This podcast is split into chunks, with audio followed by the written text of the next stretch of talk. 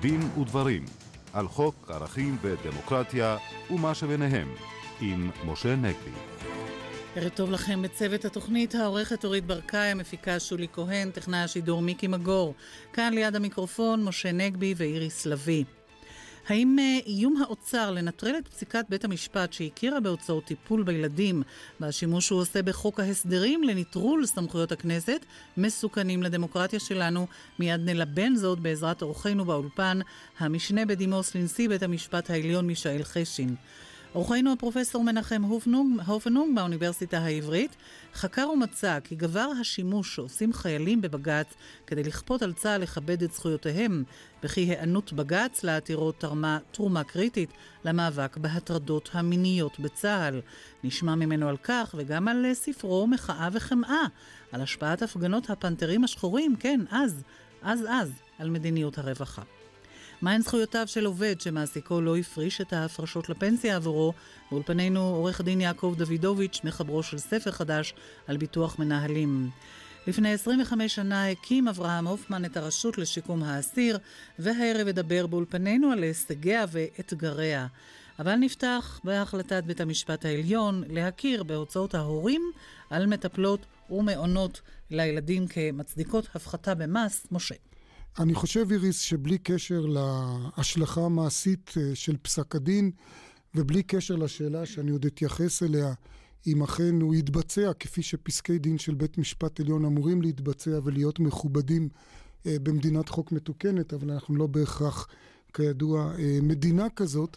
בלי קשר לכל השאלות האלה, אני חושב שפסק הדין הזה הוא החשוב ביותר מבחינת המעמד החברתי של אנשים וההכרה בשוויון של אה, האישה. מאז פסק דין שקיבל בית המשפט העליון בעשור הקודם, בשנות התשעים, בעניין העדפה המתקנת של נשים, שגם הוא אגב לא כל כך מתבצע בשטח, אבל אין בכך כדי לגרוע מחשיבותו. קודם כל אני רוצה לומר שזה מאוד עצוב בעיניי, שהיה צריך בהתערבות של לא פחות משישה שופטים, אחד במחוזי, השופט על טוביה, וחמישה בבית המשפט העליון בראשותו של המשנה לנשיא אה, השופט ריבלין, כדי שדבר שהשכל הישר והצדק האלמנטרי דורש יקבל אה, סוף סוף אה, תוקף מעשי, אני מקווה, במדינת ישראל. אני אומר השכל הישר והצדק האלמנטרי, משום שאני חושב שלא יכול להיות ויכוח על כך שבמערכת מיסים שאומרת שהוצאה שהיא חיונית כדי להפיק את ההכנסה מכירים, שלטונות המס מכירים בה ולא מטילים על אותה הוצאה או על אותו סכום שהוציאו אה, מס, בשיטת מיסים כזאת לא ייתכן לא להכיר בהוצאות טיפול ילדים. הרי הוצאות טיפול ילדים הן הוצאות חיוניות כדי שההורים ילכו, יוכלו ללכת לעבוד לא פחות מכל הוצאה מוכרת אחרת. לא פחות מהמחשב שהעובד קונה לצורך עבודתו, לא פחות מהוצאות הנסיעה שלו לעבודה. הרי הורים לא יכולים להזניח את ילדיהם, ובלי שמישהו ישגיח על הילדים, ואף אחד לא יעשה את זה בחינם, והם יצטרכו לשלם לאותו בן אדם, הם לא יוכלו אה, לעבוד. אם זה כל כך אלמנטרי, איך זה שרשויות המס לא מכירים בזה? איך זה שהיועץ המשפטי לממשלה ביוזמתו לא חייב את רשויות המס להכיר בזה, אלא למרבה התדהמה אפילו לא השלים עם פסק הדין המחוזי שהכיר בהוצאות האלה, אלא טרח לערער לבית המשפט העליון על כך. יש לי רק הסבר אחד, וההסבר הזה אני מוצא אותו בפסק הדין של אה, המשנה לנשיא, השופט אליעזר ריבלין, שאומר שזה משקף גישה ארכאית, שאומרת שהתפקיד של האישה זה לטפל אה, בילדים בבית, ולכן כנראה אפילו בתת ההכרה אנשים אומרים לעצמם זה לא כל כך נורא ואולי אפילו מומלץ שהאישה תוותר על הפקת ההכנסה ותטפל בילדים שלה. אני חושב שהחשיבות החברתית של פסק הדין זה שהוא הולך נגד התפיסה הארכאית הזאת, בעצם מרסק אותה. הרי כולנו יודעים, איריס, שהנימוק המרכזי שמשאיר אישה בבית זה בדיוק שהסביבה אומרת לה, ולפעמים גם בן זוגה אומר לה, תראי, מאחר שהנטו שלך לא מכסה את תוצאות הטיפול בילדים, חבל שתלכי לעבוד ועדיף שתישארי בבית.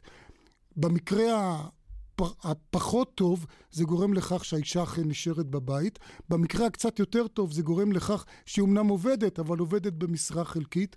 התוצאה בשני המקרים זה שנשים אינן יכולות לפתח קריירה שווה לקריירה של בן הזוג. התוצאה היא קודם כל נחיתות כלכלית בתוך הבית, ושנית, מה שלא פחות חמור, נשים לא יכולות להגיע לעמדות צמרת, כי אם הן לא יכולות לעבוד במשרה מלאה כמו הגבר, הן לא יכולות להפוך להיות לא יועצים משפטיים לממשלה, ולא מנהלות רשות המיסים, ולא מנכ"ליות האוצר. ויכול להיות שאם אישה הייתה עומדת במשרות האלה, לא הייתה מתקבלת החלטה מן הסוג הזה שלא מכירה בהוצאות טיפול ילדים. לכן... יש מקומות בעולם שגם מארגנים במקום העבודה את הטיפול הזה, אכן כדי כן. להקל על נשים לעבוד יותר. עכשיו, אני רוצה לומר שאני מתקומם, אני מתקומם במיוחד על הדמגוגיה הזאת שאומרת שהפסיקה הזאת היא לא טובה, כי היא עוזרת רק לנשים עשירות. קודם כל, היא עוזרת לא רק לנשים, יש פה עיוות. הפסיקה מדברת על הורים, היא לא מדברת על נשים. ומספיק שהורה אחד מגיע לסף המס כדי שיהנו מה, מההקלה הזאת. שנית, אני רוצה להזכיר, כדי ליהנות מההקלה הזאת, מספיק שאחד משני ההורים מגיע למשכורת של 7,800 שקל לחודש. אם מישהו חושב שזוג, שאחד מבני הזוג מגיע ל-7,800 שקל לחודש משכורת, זה זוג עשיר, אז אני חושב שיש לנו קצת מושגים מוזרים לגבי עושר. ושלישית, כבר אמרתי, כל ההוצאות המוכרות על ידי מס הכנסה הן רק לאנשים שמגיעים לסף המס. אז לפי ההיגיון הזה היה צריך לבטל גם את ההוצאות האחרות. והדבר האחרון אתה שכבר... אתה מתכוון לאירוח אה, סושי ו... כן, אירוח. היום בידיעות אחרונות כותבת עמיתתנו מרים קוץ, היא מביאה את הדוגמה הזאת שהיא דוגמה נכונה, אולי קצת דמגוגית, אבל נכונה לחלוטין. מס הכנסה מכיר בפגישות עסקים, ארוחות עסקים במסעדות לצורך הוצאה מוכרת. שם באמת באים אנשים שהם בעיניי גם עשירים, לא אנשים שהגיעו בקושי אה, לסף המס, אה, כמו במקרה שלנו. אבל אני רוצה לומר שהדבר אולי החמור ביותר, ואיריס, את התייחסת לזה בתחילת התוכנית, וזה גם יחבר אותנו לנושא אחר שנדבר בו בהמשך, זה ההתייחסות של האוצר. יושבים חמישה שופטים של בית משפט עליון, נותנים פסק דין מנומק לתלפיות. פה אחד, עוד לא יבש הדיו מפסק הדין, האוצר מודיע ומבטיח ומצהיר שהוא יבטל את פסק הדין. אז קודם כל פקידי האוצר כנראה שכחו שהם חיים במדינה דמוקרטית שבה רק הכנסת יכולה לבטל uh, פסק דין, uh, uh, אבל זה כמובן מתחבר גם ליחס שלהם לכנסת, שנדבר עליו בהמשך בהקשר של חוק ההסדרים. אני מאוד מקווה, אני רוצה להזכיר שבכנסת הקודמת הריס 61 חברי כנסת הצביעו, והיו שם גם גדעון סער מהליכוד וגם זהבה גלאון ממרץ, כלומר מכל קצוות הבית, הצביעו בעד חוק שמכיר בהוצאות הטיפול עוד לפני פסק הדין אה, אה, של בית המשפט בקריאה ראשונה. אני מקווה שהכנסת לא תיתן לבטל את פסק הדין הזה, ובכל מקרה, אני אומר שוב, פסק הדין בעיניי הוא הישג חברתי חשוב ראשון במעלה. שופט מישאל חשין, רוצה לומר דעתך בעניין הזה לפני שנפנה לעניין הבא.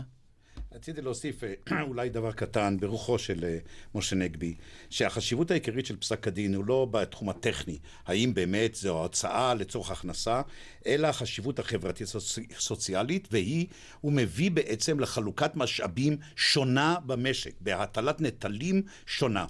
משום כך, אני חושב שזאת הייתה יהירות מצד פקידי האוצר, שבאים ואומרים, אנחנו עכשיו נוציא חוק תשריר. אני חושב שעכשיו צריך לשבת מחדש ולחשוב, אם אנחנו איבדנו הכנסות שניים, שלושה או מיליארד שקלים לשנה, נראה מניין אפשר לשאוב אותם. לא בהכרח באותם אנשים שבית המשפט העליון קבע שלא צודק לקחת מהם את המיסים. זו שאלה, באמת, זה פסק דין סוציאלי, ואני חושב שכך צריך לראות אותו. ככה הממשלה חייבת לראות אותו, ובוודאי לא פקידי האוצר יחליטו אה, בשאלה אם הדבר הזה אה, אה, יבוטל או לא יבוטל. כן, אגב, האוצר מדבר על זה שמטיבים עם עשירים, זה אותו אוצר שמציע לנו להפחית מיסים, כולל לחברות וכולי. הפחתות המיסים האלה שהאוצר מציע זה יהיה לטובת העניים. פרופסור הופנונג?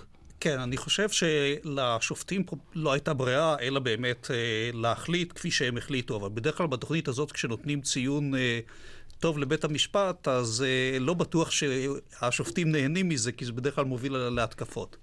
לכן אני חושב שאמר נכון uh, השופט uh, בדימוס uh, חשין, שיכול להיות שצריך עכשיו לחלק את כל העוגה האחרת, כי עוגת התקציב היא פחות או יותר נתונה. סך המשאבים שעומד לחלוקה במשק הוא נתון, ופה עומדת החלטה שהמשמעות שלה היא לא לבטל ולשנות את פקודת מס הכנסה בהכרח, אלא לחשוב על חלוקה אחרת של משאבים, בהנחה שיותר כספים יצטרכו להיות מופנים לתגמול הורים ששולחים את ילדיהם למעונות יום. ואולי האוצר צריך להפנים שלפעמים אה, דמוקרטיה וזכויות בסיסיות וערכים דמוקרטיים עולים כסף, כמו שלא יעלה לדעת לבטל בחירות, למרות הדחיפות הבלתי רצויה של... התוצאה אבל היא לא פשוטה, התוצאה של פסק הדין הזה. במונחים של אה, ניהול משק המדינה, התוצאה היא לא פשוטה. מצד שני, לעבוד זה לא רק אה, להסתכל, כן, כן, לא, אני אומר, לעבוד זה גם. לתרום וגם להיות יצרני. ולהרגיש שאתה אזרח. כל הזמן אומר... המשמעות היא שיהיה צריך לחלק את המשאבים אחרת. אני רוצה להזכיר שבנימין נתניהו, כשהוא היה שר אוצר, כל הזמן אה, קרא לזה שאנשים יצאו לעבוד, אנשים ונשים אה, יצאו לשוק העבודה. בנושא הזה, אבל אנחנו עוברים לנושא הבא, ואולי הוא קשור באמת, כמו שאמרת, משה, ואני רוצה באמת לפנות אליך, השופט מישאל חשין. אתה אמרת לפני כחמש שנים, בשבתך על כס בית המשפט העליון, שהשימוש שעושה האוצר בחוק ההסדרים מרוקן מתוכנה את סמכות הכנסת ומשבש את הסדר הדמוקרטי התקין. כן, אני אמרתי את זה, ואני חוזר על כך אה, בצורה אה, לא פחות אה, תקיפה, שחוק ההסדרים כמתכונתו, כפי שהוא מוצע עכשיו בטיוטה, בטיוטה, כפי שפורסמה, הוא מעמיד את הכנסת ככלי ריק. משום שהכנסת תפקידה הוא לחוקק, הממשלה תפקידה לבצע, בית המשפט תפקידו לשפוט, כל אחד יש לו חלקת מחוקק, חלקת מבצע, חלקת שופט, וכאן חוק ההסדרים, אנחנו רואים במו עינינו כיצד הממשלה היא המחוקקת במקום הכנסת. כאשר מדובר על רפורמות בחינוך, ברשות השידור, אה, בטלוויזיה חינוכית, ברפורמה בתחבורה, בבריאות הציבור, בביטחון, עשרות חוקים שאין להם שום קשר בכלל לחוק התקציב, באים ועושים רפורמות, משנים סדרי עולם. ממש מכירת סוף עונה. מכירת סוף עונה, כיוון שאם אתה תלך בחוק של שלוש קריאות, קריאה ראשונה, שנייה, שלישית, הדבר הזה יגזול זמן, ומי יודע מתי החוק יתקבל אם בכלל. לכל האנשים האלה שמנדנדים, יושבים בכנסת, כל אחד רוצה להביע דעתו, פרלמנט, פרלה, שיפסיקו לדבר, ואנחנו, הגיע הזמן שאנחנו נבצע. ועכשיו במקום שחוק חוק יתקבל בדיון רציני, עמוק, כולם ביחד, כמו שאמרתי במכירת סוף עונה. הכל במשרד האוצר. אני קורא בעיתון ששר החינוך אומר, מה, אני לא מבין, הם ינהלו את משרד החינוך, משרד האוצר? כשאומרים משרד האוצר, קוראים לזה פקידי האוצר. מבחינתי זה שר האוצר. הדבר הזה, שר האוצר הולך להניח את זה על שולחן הממשלה, זה אחריות אישית שלו. ואם הפקידים עושים מה שהם עושים, הם עושים את זה על דעתו. וחייבים לראות אותו כאחראי, וכמובן שהממשלה כולה אחריות מיניסטריאלית. יש כאן בכלל פירמידה הפוכה. בדרך כלל החוק, הכנסת מחוקקת חוקים, חוקים מהותיים. חוק למשל שירות ביטחון, בריאות ציבור, טלוויזיה, רשות שידור, מה שאתה לא רוצה. ואחר כך בא חוק תקציב ותומך בחוקים האלה כדי להחזיק אותם. וכאן הפירמידה הפוכה. מקודם יש חוק תקציב, לאחר מכן, לפי התקציב, המהות תיקבע. בשנת 85, בזמנו הייתה אינפלציה קשה מאוד, אה, ואז באמת היה החוק הראשון, חוק ההסדרים הראשון, זה היה בזמן פרס, בגלל מודעי וכולי, והדבר הזה עבר. ואפשר לומר. הוא היה הרבה יותר צנוע. סליחה? היה הרבה יותר... כן, כן, ודאי. בינתיים הוא גדל ופרח, וירבה, ויפרוץ בי מאוד מאוד, וירא מנוחה כי טוב, את הארץ כי נאמה, ואז המשיכו עוד ועוד ועוד. בתחילת שנת 2000 היו שני חוקים. חוק אחד היה חוק של הרפורמה במשק החקלאי. ביטלו עשרות חוקים שהיו קודם לכן, שניהלו את כל המשק החקלאי, ובאו וקבעו חוק אחד, חוק מועצת הצמחים. בלי שום דיון. ובזה, לא, זה בתכנון בזה, שזה בדרך כלל מרכז את זה בידיו של השר. השר מקבל את הסמכויות. וכל המועצות האוטונומיות של הצמחים, של הירקות, של האבטיחים, כולם בוטלו. ולא היה שום דיון על זה, זה העניין. זה, ודאי, זה כל הדבר, זה כן. ודאי, אני מיד אעמוד על זה. אותו דבר היה לגבי חוק התכנון והבנייה. היה רפורמה בתכנון ובנייה לגבי ועדה של יד המועצה הארצית לתכנון ובנייה. ואז גשרים ודברים ושדות תעופה, באבחת קולמוס אתה הולך בונה אותם. וסדרי עולם משתנים בצורה כזאת. יש כאן פגיעה אנושה בהפרדת רשויות, ביזור הסמכויות. וצריך להבין שהפרדת רשויות, ביזור סמכויות זה איננו איזה מושג ארטילאי אה, אה, שמדברים עליו באוניברסיטה. זה חיי יום-יום. כיוון שכל רשות מתוך שלוש הרשויות, המחוקקת, המבצעת והשופטת, מחזיקה בקרני האחרת, וכך הם לא נותנים לאף אחד לשלוט על האחר. כשבאים עכשיו ואומרים בית המשפט חורג מסמכויותיו, כך טוענת הממשלה, טוענת הכנסת, שתבוא הכנסת ותאמר כיצד זה שהרשות המבצעת בעצם גוזלת מסמכויות, אוזורפציה של סמכויות הכנסת בצורה ברורה לעיני השמש. עכשיו, העם בחר בכנסת כדי שהכנסת תחקוק חוקים. תחקוק חוקים בצורה רצינית, בצורה עניינית, לדיון, בפומביות. הוא לא בחר בכנסת כדי שהיא תאצול מסמכויותיה לממשלה. הוא לא הרשה לה לאצול את סמכויותיה לממשלה, לתת, הוא לא הרשה לכנסת להתנצל את סמכויותיה אה, ולהעביר אותה לממשלה. אבל הממשלה, הכנסת כנראה מסכימה. עובדה, הרי בסופו של דבר הדברים לא יכולים לעבור בלי הכנסת. ואז ההצבעה של חוק ההסדרים נעשית תוך ימים ספורים בכל הרפורמות האלה, בכל תחומי החיים. בקושי יש דיון בגלל הלחץ, כיוון שאנחנו ממהרים לקבל את הדברים. וכמובן מביאים את זה רק לוועדת הכספים, ששם הממשלה, הקואליציה שולטת. לא מביאים את זה לוועדות הענייניות, ועדת הכלכלה או ועדת חוק, חוקה, חוק ומשפט וכולי. כאן האוצר, דרך חוק, חוק ההסדרים, משתלט על המדינה. עכשיו, כשהלכנו לבחירות, לא הרשינו, כמו שאמרתי, לכנסת להעביר את סמכויות הממשלה. אבל אני אומר, כנסת שמחלה על כבודה, כבודה אינו מחול. אומרת שהכבוד הוא לא כבוד של הכנסת, הוא כבוד של העם שבחר בכנסת. הכנסת היא נציגה של העם, ואסור לה לעשות את מה שהיא עושה. אה, אה, הדבר שאפשר לבוא ולומר, ואני יכול להשלים בעניין זה, אני לא רוצה להאריך יותר מדי, הייתי אומר, התנערי לכנסת, התנערי מעפר קומי לבשי בגדי תפארתך עמי, וכבוד אדוני עלייך יגלה. ובכבוד הכנסת נתכבד כולנו. תודה. כן, אה, יושב ראש הכנסת אה, רובי ריבלין, אגב, אה, ראיתי, הבטיח שהוא יעבור על חוק ההסדרים ויבדוק שהאם באמת אין הפרזה בעניין הזה. אבל אני רוצה לפנות גם אליך, פרופסור מנחם אופנוג, אולי לפני שאני נותן, שומע את דעתך, אגב, גם כמשפטן וגם כפרופסור למדע המדינה. אני אזכיר, רק כדי להמחיש את הדברים שאמר פה השופט חשין, מצאתי שם סעיף, אגב, מצאתי, אני אומר, זה לא שמשרד האוצר הביא לידיעתי ברוב חסדו את הצעת חוק ההסדרים, אלא שאיכשהו זה דלף לחברת הכנסת שלי יחימוביץ' וקראתי את זה אה, באתר שלה, וראיתי למשל שיש שם סעיף שבין השאר מסמיך אחיות לבצע עבודות מסוימות של רופאים. אה, נראה לי אבסורד שבתוך חוק הסדרים, בלי דיון בכנסת, מעבירים דבר כזה. או מבטל אזורי רישום של בתי ספר, מקים בתי ספר פרטיים, מהפכה בכל נושא החינוך הממלכתי. ואגב, חלק מהדברים מקובלים עליי. אה, השפעה על האינטגרציה, אולי ביטול האינטגרציה בחינוך, אבל שוב, בלי דיון, מהפכות שלמות, איך אתה רואה את זה, גם כאיש מדע המדינה? אני, אני אתחיל אולי דווקא אה, יותר כאיש מדע המדינה, מפני שבצד המשפטי הדברים של השופט חשין די מקובלים עליי. צריך להבין מה קורה בכנסת ולמה חברי הכנסת אה, לא מתקוממים נגד העניין של חוק ההסדרים. מפני שבמהלך השנה חברי הכנסת מצליחים להעביר הרבה מאוד חוקים פרטיים במה שנקרא חקיקה פרטית, ובדרך כלל הממשלה לא מתנגדת לזה, או לא מתנגדת לזה בתוקף, ואז כשזה עובר, זה עושה סלט שלם בענייני תקציב, מפני שלאותם חוקים יש עלויות. והדרך לעקר את כל אותה חקיקה פרטית היא באמצעות חוק ההסדרים. כך שיוצא שכולם נהנים. גם חברי הכנסת יכולים להתפאר בכך שהם מעבירים חקיקה, וגם בסופו של דבר תקציב המדינה לא נפגע מפני שבחוק ההסדרים מעקר את אותה חקיקה. מה זאת אומרת, לכן... זה מבטל את, ה... את כן, החקיקות כן, הפרטיות כן, בעצם? כן, או קובע שהם לא ייכנסו לתוקף באותה mm. שנה.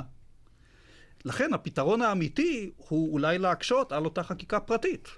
דבר שנעשה לפני כמה שנים. מההחלטות הטובות היו חקיקה ואז, פרטית. לא? ואז לא? יהיה פחות צורך באותו חוק ההסדרים, שהוא בסופו של דבר מבטל את כולם באבחת קולמוס, כן, כמעט את כולם. כן, אבל פרופסור אופנונג, בואו לא נכרוך את כל החקיקה הפרטית ביחד. לא, אני לא אומר את כולה, אבל הרבה ממנה. אגב, אם הזכרנו את עניין הטיפול בילדים, חלק מהחקיקה הפרטית הייתה חינוך חינם, למשל, מגיל שלוש, שהיה פותר את הבעיה שדיברנו עליה.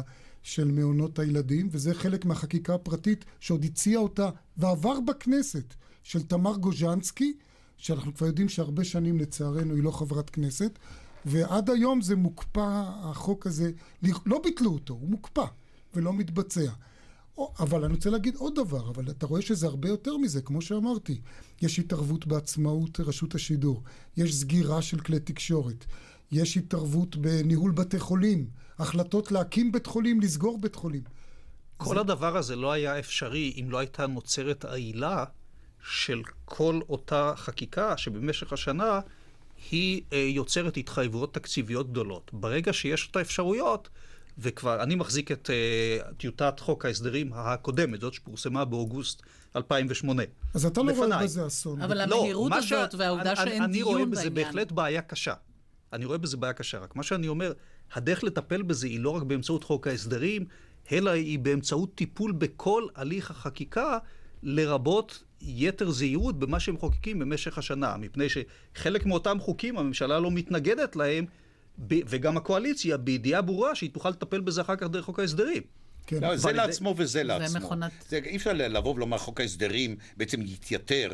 כפי שהוא במתכונתו היום, רק בגלל החוקים הפרטיים. כאשר בא בחוק ההסדרים, לפי הפרסומים, ובאים לרשות השידור, ואומרים, הטלוויזיה היא תקדיש כך וכך מיליונים, או עשרות מיליונים, לצורך הפקות פרטיות, ואומר אומר מנהל הטלוויזיה, או משה גביש, אינני יודע, כן. אומר, על ידי כאן אני צריך לסגור את רשות השידור. לא מבין, מה זה שייך בכלל לחוקים פרטיים? האוצר זה ממש ברגל גסה נכנס לתוך רשות השידור, והוא מחליט עבורה. לא, זה מתקבל. ואיפה בכלל האיש, השר שממונה על רשות רשות השידור? איפה הוא? נמצא כאן? אני לא מבין, אנשי האוצר, שר האוצר... הוא מחה על זה שהוא בכלל לא ידע על זה. אני אומר, זה בדיוק העניין, שבאותה הזדמנות יש אה, ניצול הזדמנויות עסקיות, ומטפלים גם בנושאים אחרים. פרופסור הופנוג, אתה הפנית את תשומת ליבי לעוד אה, דבר שמעיד כאילו על, אה, לא כאילו, על זלזול במושכלות יסוד חוקתיים, שבעצם כדי לקבל תקציב לשנתיים, שזה נוגד את מה שכתוב בחוק יסוד משק המדינה, וגם כדי לדחות את המועד שבו חייבים לקבל את התקציב לפני שהכנסת חייבת להתפזר וללכת שוב לבחירות.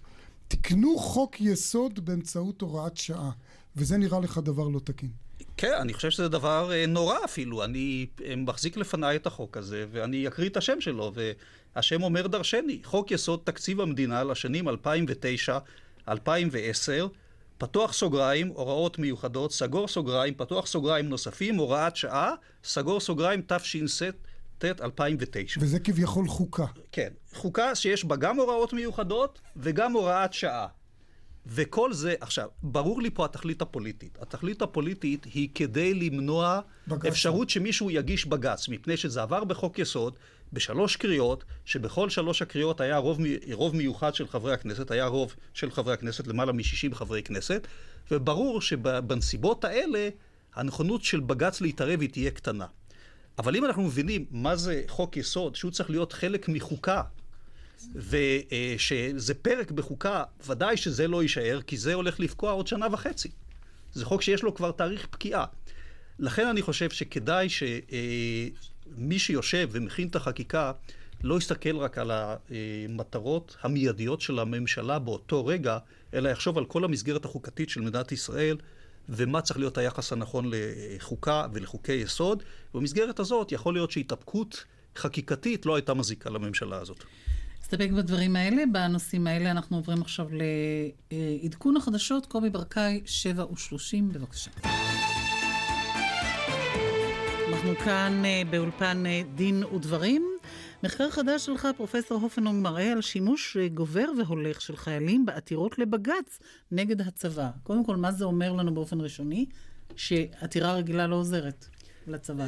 זה אומר שהחיילים לפחות מוכנים כרגע לבדוק אופציות אחרות מחוץ למסגרת uh, הצבא. אולי גם לא... חוסר אמון בצבא. במידה רבה זה גם חוסר אמון בצבא. לפחות אנחנו רואים את זה בחלק מהעתירות. הייתי אומר שחלק מהעתירות שנוגעות בטיפול רפואי, ששם יש מנגנון אה, שיפוטי מסודר, עם אפשרות של להגיע בסופו של דבר לבית המשפט העליון, uh, בצורה של ערעור.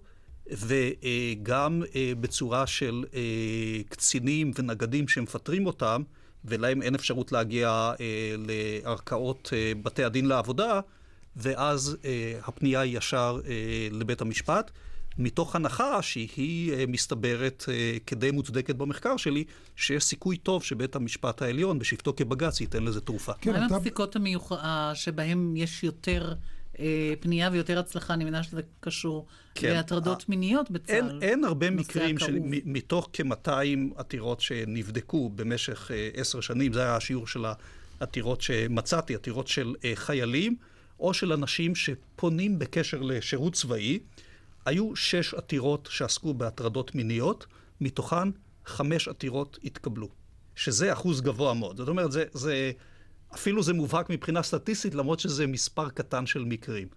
כל uh, חמשת המקרים האלה היו מקרים שהצבא לא טיפל בהם כמו שצריך, ובית המשפט פסק אחרת מאשר רשויות הצבא. כלומר, בעצם מה שאתה אומר, שלמרות שהצבא כל הזמן מצהיר, אה, חזור והצהר, אה, רמטכ"לים לדורותיהם, שהנושא הזה של הטרדות מיניות עומד בראש מעייניו, ושהוא נחוש להגן על כבודן וגופן וחירותן אה, של החיילות, של הנשים שמשרתות בו, בעצם אותן חיילות נאלצות ללכת לבג"ץ, ורק שם, או רק בזכות התערבותו, אה, באמת נעשה טיפול רציני בעניין הזה. אני רוצה להיות זהיר. אה, כלומר, אתה כמובן מכיר את המקרים כן. שבהם כן. לא היו מרוצים מהטיפול הצבאי. כן. מתוך ששת המקרים שאני מדבר עליהם, הם כולם הגיעו לפני 2005. כן. הם, הם מרביתם אפילו הגיעו אה, בסוף שנות ה-90 עד בערך שנות 2000. זאת אומרת, כנראה שמאז קרה משהו, כי זה מגיע פחות. אבל הייתה תקופה שהגיעו אה, כל שנה לפחות עתירה אחת, והעובדה שכל פעם הצבא יצא אה, כשבג"ץ מורה לו לפעול אחרת, כנראה שעזרה משהו, כי אנחנו רואים פחות עתירות כאלה בשנים האחרונות. עכשיו, אה, פרופסור הופנוג, יש פה, אני חושב, מסקנה בוויכוח שמעסיק אותנו.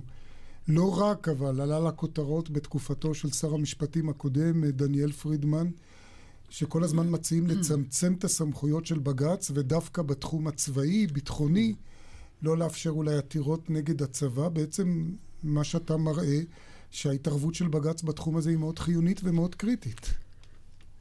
אני, אני רוצה להבהיר מה שאני כן בדקתי ומה לא, לא נבדק במחקר הזה. לא נבדק במחקר הזה עתירות כנגד הצבא שעוסקות בפעילות מבצעית. ש... וגם לא נבדקו עתירות של תושבי השטחים. מה שנבדק זה רק עתירות של חיילים, או אנשים שתבעו להכיל כללים אחרים על גיוס לצבא. למשל, לגייס בחורי ישיבות. זאת אומרת, כן. כל המחקר נגע בעצם המסגרת של שירות צבאי. כך שעכשיו, המסקנות כאן הן די ברורות. כמעט 50% מהעתירות, מי שפנה לבג"ץ קיבל מבג"ץ, לא תמיד קיבל אה, צו. צו מוחלט, אבל הוא קיבל קרוב ל-50 אחוזים משהו שהצבא לא היה מוכן לתת לו קודם. לפעמים לפ... הצבא פשוט הסכים אחרי הפנייה לבג"ץ. היה, לפעמים זה היה אפילו דבר פעוט, כמו לעיין במסמכים. כן. אבל את זה הצבא לא היה מותר. זה לא חותך בסופו של דבר את המקרה עצמו, אבל הצבא לא היה מוכן לתת לו גם את זה. וזה אומר שברגע שאנשים חושבים שהם מקופחים, שאם הם הולכים לבג"ץ יש להם סיכוי בכלל לא רע להצליח. עכשיו, אתה מסתכל על זה במבט רחב, זה לא שינה מהותית את אה, דפוסי הפעולה של הצבא, אבל זה כן עזר לאנשים להרגיש הרבה יותר טוב במערכת, זה פתר בעיות נקודתית. אישיות. נקודתיות. Mm-hmm. אני חושב שבסך הכל בג"ץ עשה פה עבודה יפה. אני חושב שיש פה עוד נקודה חשובה, ותכף נשמע גם את דעתו של uh, כבוד השופט חשין שנמצא פה איתנו. Uh, uh, צריך לזכור שלפעמים עצם הפנייה לבג"ץ, יש לה גם אפקט תקשורתי, כלומר בג"ץ הוא במה תקשורתית. ו... ויכול להיות שאפילו התרומה של הבג"ץ היא יותר גדולה, כי החשש מראש שהחייל יפנה לבג"ץ גורם היום לצבא להתנהג אחרת, כמו שאמרת בנושא ההטרדות המיניות אולי, שהיום יש פחות עתירות, כי הצבא כבר לא רוצה שיהיו עוד עתירות שיגיעו לבג"ץ. כלומר, עצם החרב המתהפכת של בג"ץ אולי מראש מרתיע. שהצבא החליט להיטיב את... אין ספק שזה כך. במאמר אחר שעדיין לא פורסם, אני עוסק בדיוק באותו אפקט, והאפקט הזה קיים. השופט חשין, אתה רואה פה קשר אה, לאותן אה, דרישות אה, לצמצם את סמכותו של בג"ץ? ש... לא, לא, טוב. לגבי צמצום סמכותו של בג"ץ, אה, דעתי ברורה, אני לא חושב ש... אם נדבר על זה, נדבר על זה. אני לא חושב ש... כמובן שלא. לא, כי היום גם שר המשפטים החדש, לפי מה שנמסר, אה, רוצה להגדיר בחוק תחומים שבג"ץ לא יוכל להתערב. בסדר, בהגיע היום, אז אנחנו נתייצב למערכה ונאמר את מה שיש לנו בליבנו, כיוון שיש לפעמים דברים הגיוניים, לא הגיוניים וכולי, יותר טוב. אה, צריך לדבר על צ'פטר אה, אנברס, זאת אומרת, על דברים כתובים, שחור על גבי שחור יותר. אבל אני, אני, אני רוצה לשאול את עצמי, את פרופסור הופנונג, אני, אני, אני, אני מוטרד, בת, אתה דיברת על זה בהתפעלות, שבג"ץ, הד תקשורתי. אני שואל את עצמי, האם, ואינני מכיר את המחקר הזה, לכן אני יודע גם את החלוקה, את, ה, את הפלחיות של, של הסוגי העתירות וכולי. האם לפחות מקצת מהעתירות האלו, חלק מהעתירות האלה, לא היה ראוי שיבואו לפני טריבונלים אחרים, לא לפני הבג"ץ, ושבג"ץ הוא עצמו לאחר מכן יפקח על אותם טריבונלים. כאשר דבר כזה בא במישרין לבג"ץ, כמובן זה מוסיף לעומס. אז גם, כמובן יש דברים, למשל, העניין של, של גיוס בחורי ישיבות, אולי הטרדות מיניות או דברים כיוצא באלה. אה, אבל אה, דברים יותר שגרתיים, אני חושב שה... הגיוס של בג"ץ, לצורך העניין, הוא קצת להכות בתותחים גדולים, בהוביצרים, מה שהיה בזמנו לפחות, בדברים, בדברים שהם קטנים יחסית. איזה טריבונל היית מציע? אינני יודע, יכול להיות שצריך להקים טריבונל. אולי להקים כזה. אין לי, אין לי טריבונל. אין לי טריבונל, אני חושב שזאת בעיה. אגב, יש הצעה לאפשר לבית הדין לעבודה לדון. אולי בית הדין לעבודה, אינני יודע. אני חושב שחלק מהעתירות, לפחות אני תמדתי באמת שבג"ץ נכנס לעניינים. אגב, צריך להזכיר, השופט חשין, מי כמוך יודע שבג"ץ יכול להגיד שאם יש סעד אלטרנטיבי... אם יש, אינני יודע אם יש. אינני יודע אם יש, זאת השאלה. לפחות בחלק מהעתירות היה סל אלטרנטיבי ברור, ואני תמדתי שבג"ץ נכנס בזה, וזה אותן עתירות שעוסקות אה, באמת בכל אה, הליכי אה, השיקום והטיפול בפצועים. כי אה, פה יש לך מסלול שאתה מתחיל עם ועדה רפואית, ויש עליה ערעור לבית המשפט המחוזי, ומבית המשפט המחוזי אפשר להגיע לבג"ץ. חלק מהעתירות האלה לא היה ברור לי אה, למה בג"ץ נכנס. אני חושב שזה היה קשור ברצון לעשות צדק והתחושה שהדברים נסחבו יותר מדי זמן, ולכן מכוח האפשרות של בג"ץ לשפוט למען הצדק נכנסו, אבל היה אפשר בהחלט לא להיכנס. אנחנו רוצים לנצל את היותך כאן באולפן אה, עם ספר שיצא היום, אבל הוא מהדהד. אה, מלפני 30 שנה. לא, לא, הוא יצא ש... לפני קצת כן, יותר מהיום, הוא יצא לפני כשנתיים. בימים אלה, וזה ספר שלך, שהוא עבודת, עבודה אה, אוניברסיטאית, מח, מחאה וחמאה, בעצם על השפעת ההפגנות הפנתרים השחורים על תקציבים, דיברנו על חברה ורווחה, ואולי גם על תקשורת ועל בימה תקשורתית, ואתה אומר בספר הזה שההפגנות עזרו מאוד אה, לפנתרים לשפר את מצבם. הם, הם לא עזרו כל כך לפנתרים עצמם, כמו שהם עזרו לממשלה להחליט על שינוי משמעותי מאוד בהקצאת המשאבים. למרות שגולדה אמרה עליהם מה שהיא אמרה. כן, והחשש של הממשלה היה אה, די ברור, ו- וזה עלה מרעיונות, שבין השאר גם ראיינתי באותו זמן את מר הופמן שיושב לצידי, אה, כשבדקתי את זה.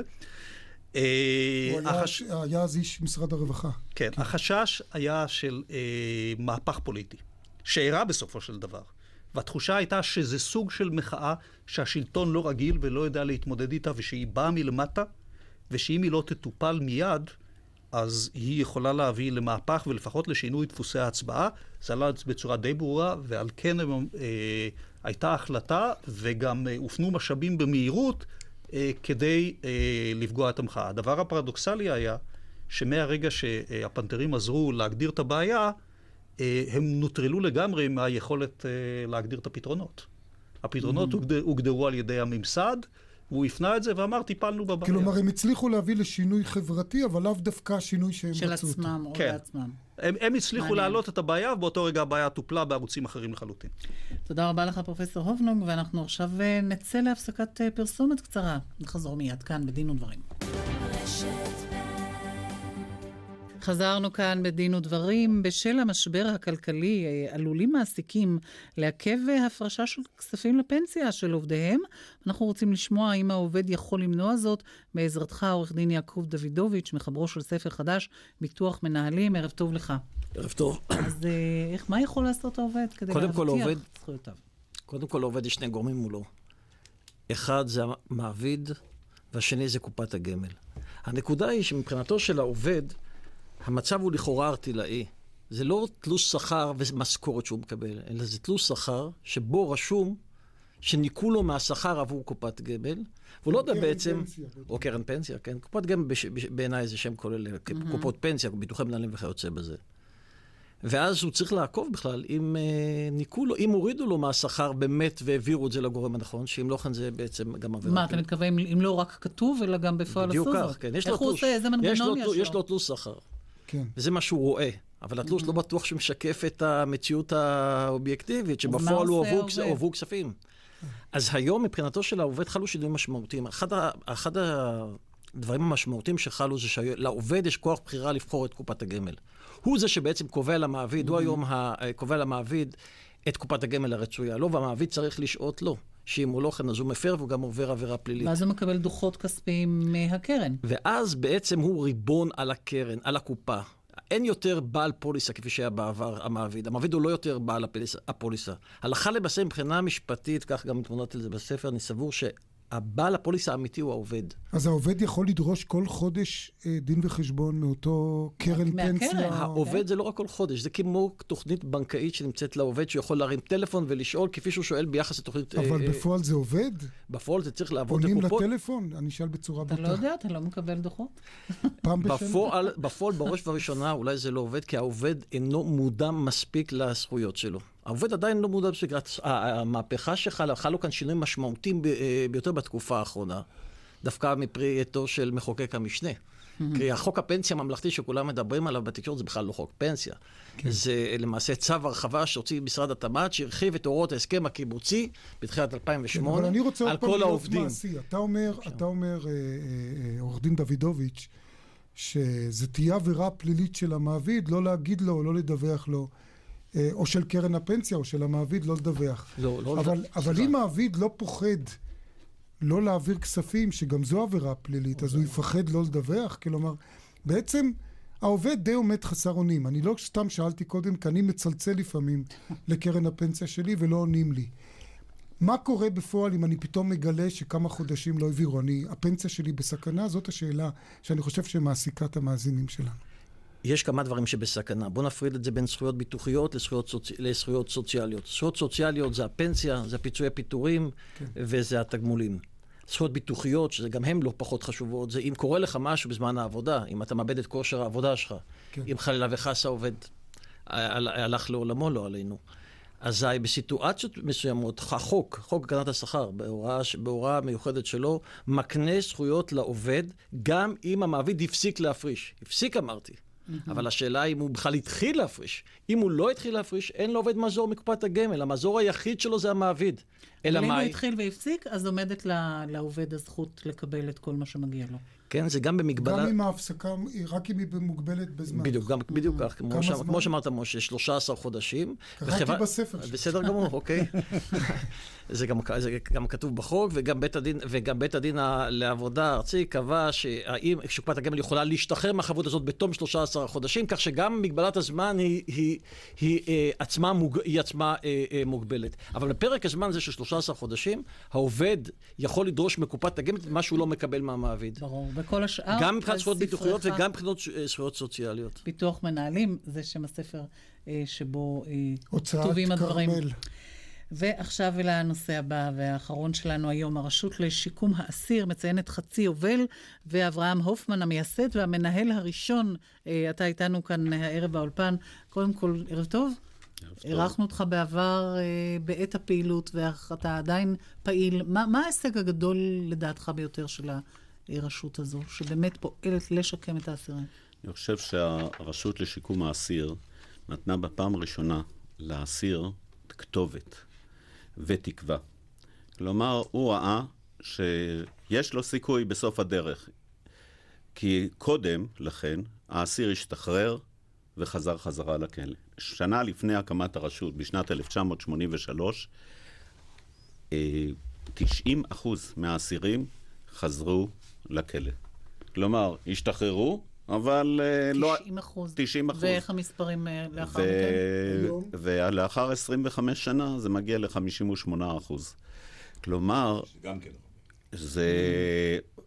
אולי זה הרבה, בוודאי שזה הרבה, היינו רוצים לשאוף אה, לאפס, אדיר. אבל צריכים לחשוב איזה דרך ארוכה עברנו, ומה המשמעות גם התקציבית של זה דבר.